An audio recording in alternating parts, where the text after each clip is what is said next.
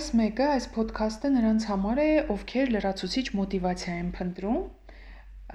Իրականում այդ մոտիվացիայի կարիքը մենք բոլորս ունենում ենք աշխատելու ընթացքում եւ շատ կարեւոր է, որ որքան էլ ծանրաբեռնված լինենք, միշտ գտնենք ժամանակ ինչ որ տարբեր բաներ կարդալու, լսելու, հետաքրքիր ինչ-որ բացահայտումներ անելու համար։ Եվ մեր թիմը միշտ փորձում է դրա համար ժամանակ գտնել եւ հատկապես այս կարանտինի օրերին մենք օգտագործ փորձեցինք ժամանակը արդյունավետ օգտագործել եւ ինքնակրթության համար ժամանակ հատկացնել։ Այս ընթացքում ես մի մաստեր կլաս եմ լսել, որից շատ մոտիվացվել եմ ու շատ հետաքրքիր ու լավն էր եւ մտածեցի, որ շատ ճիշտ կլինի, եթե հիմնական մտքերը, որոնք կարևոր էին իմ կարծիքով, դուրս բերեմ եւ նաեւ կիսվեմ ձեզ հետ։ Այս մաստեր կլասը վարում էին ամերիկյան մի գովազդային ընկերության հիմնադիրներ։ Ընկերությունը կոչվում է հենց հիմնադիրների անունով Goodby Silverstein and Partners, չգիտեմ լսել եք թե ոչ։ Հիմնադիրները Jeff Goodby-ն եւ Rich Silverstein-ն են, որոնք արդեն հիմա բավականին տարիքով մեծ մարդիկ են նո կարելի է ասել։ Ընկերությունը տեղակայված է Կալիֆոռնիայում, ավելի կոնկրետ Սան Ֆրանցիսկոյում, եւ մաստեր կլասում նրանք խոսում են գովազդի, սակայն առհասարակ կրեատիվի մասին, որը ահավոր հետաքրքիր է ինձ, քանի որ այնտեղ ես լսեցի գաղափարներ, որոնց հետ համամիտ եմ։ Իդեպ գիտեիք, որ ենթագիտակցորեն մենք փնտրում ենք գաղափարներ, որոնց հետ մենք համամիտ ենք, որոնք կվերահաստատեն մեր մտքերը։ Սա ուղակի։ Եվ այսպես այս մաստեր կլասից ես առանց առանձնացրել եմ 3 կարևոր միտք take away, որոնց շուրջ կարող ենք մտածել հետո։ Ուրեմն առաջին առաջինի մասին խոսեմ նախ։ Այսպես կարելի է արտահայտությունը ձևակերպել. The part of your work is not doing a work հայերեն քո աշխատանքի մի մասն է նաև աշխատանք չանելը։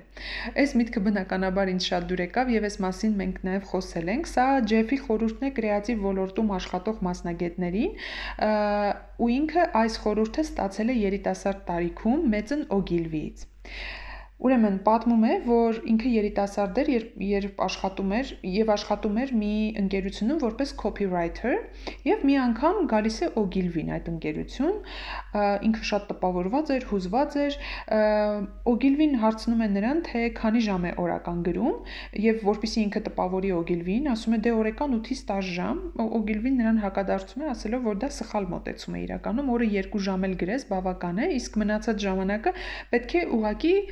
observe անես, հա, ուսումնասիրես, կարդաս, մտածես, ներշնչանք հավաքես, եւ սա իրոք շատ ճիշտ մոտեցում է։ Եվ նա պատմում է, որpիսի հիմնավորի այս մոտեցումը, նա պատմում է, թե ինչպես է, երևի թե բոլոր շատերին ծանոթ կլինի Nike Just Do It կարգախոսի ստեղծման պատմությունը։ Գիտեիք, որ ուրեմն այս կարգախոսը Օրեգոնում տեղակայված մի գովազդային ընկերություն է ստեղծել եւ հեղինակը երբ որ կարգախոսի գաղափարը եկել է, այսինքն նա գաղափարը վերցրել է, ոչ թե եկել է գաղափարը, կրիմինալ ֆիլմ էր դիտում եւ այն պահին, երբ որ մարդասպանին էլեկտրական աթոռի վրա տանջում էին, նա ասում է just do it, եւ այս մարդը անունը Dan Dan Viden էր, այդ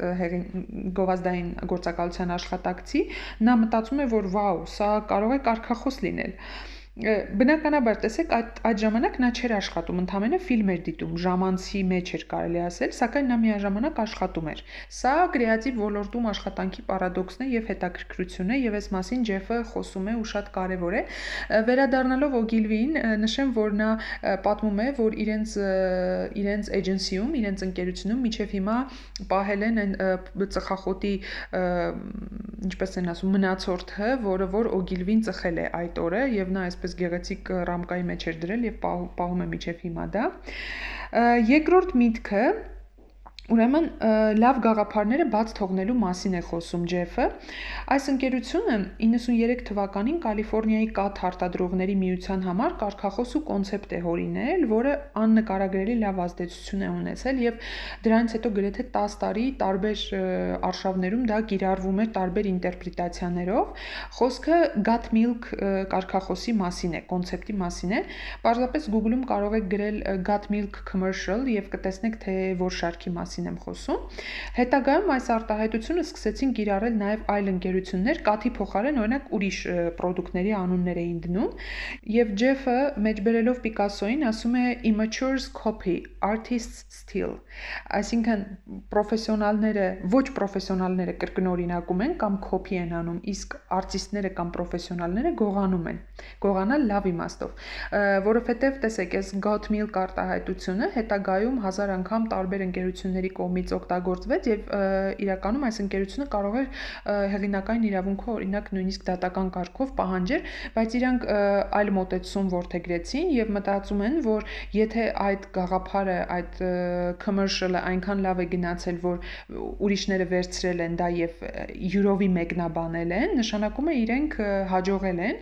եւ կարեւորը ոչ թե copy paste անելն է, այլ հետաքրքիր ձևով դա ինտերպրետացիա անելն է եւ իրականում դա խոսում է հաջողության մասին գաղափարի եւ այնպես որ հայկական կրեատիվ էջենսիներին եւ մասնագետներին խորհուրդ, որ եթե երբևէ ստեղծեք որևէ գաղափար, ստեղծենք որևէ գաղափար, որը մեր գործընկերները կվերցնեն եւ հետաքրքիր ձևով կմեկնաբանեն, դա միայն խոսում է մեր հաղթանակի մասին եւ դրա համար պետք չէ պետք չէ հարցակվել գործընկերների վրա։ Երորդ միտքը, հա, որ առանձնացրել եմ, լավագույն կոմերցիոն հոլովակների մասին է։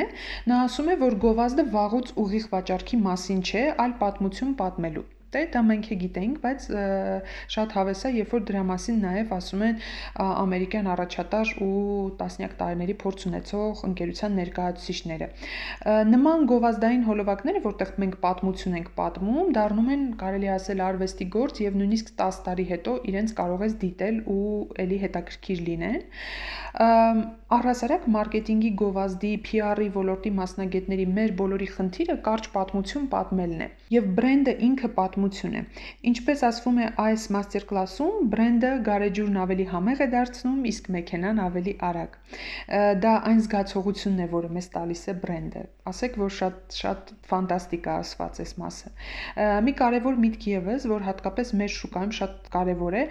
մարդիկ պետք է հասկանան, որ լավ ֆիլմ նկարողները կամ ռեժիսորները ավտոմատ չեն դառնում լավ գովազդի հեղինակներ։ Գովազդը լրիվ այլ ֆորմատի, առհասարակ PR-ի կոնտեքստում վիդեո հոլովակները բոլորովին այլ ֆորմատի եւ մոտեցումների մասին են։ Ամփոփելով ասեմ, որ իհարկե այս մաստեր-կլասում շատ-շատ ավելի մտքեր կան առհասարակ թե կրեատիվի, թե այս ոլորտում բիզնես վարելու, թիմի հետ աշխատելու մասին։ Այս մարդիկ, ովքեր աշխատել են այնպիսի բրենդերի հետ, ինչպիսիք են BMW-ն, Adobe-ը, ամերիկյան Super Bowl-ի շրջանակում տարբեր ապրանքների համար շատ հաջողակ կոմերցիոն հոլովակներ են պատրաստել, այնքան հետաքրքիր գաղափարներ են տալիս, որ այս ոլորտի ցանկացած մասնագետի համար շատ օգտակար կլինի լսելը։ Բնականաբար ես դուրս եմ բերել նաև մտքեր, որոնք հետաքրքիր ձևով իրենց մեկնաբանությունը կստանան նաև մեր ներկայիս եւ ապագա պրոյեկտների շրջանակում, բայց բնականաբար դրանց մասին չեմ խոսի։ Այսպիսով փորձեք միշտ ժամանակ գտնել ինքնազարգացման համար, քանի որ ինչպես մենք սիրում ենք ասել, Եթե այսօր դու լավագույն մասնագետն ես, դա դեռ չի նշանակում, որ վաղը եւս լինելու ես այդպեսին։ Այսքանը։ Thank you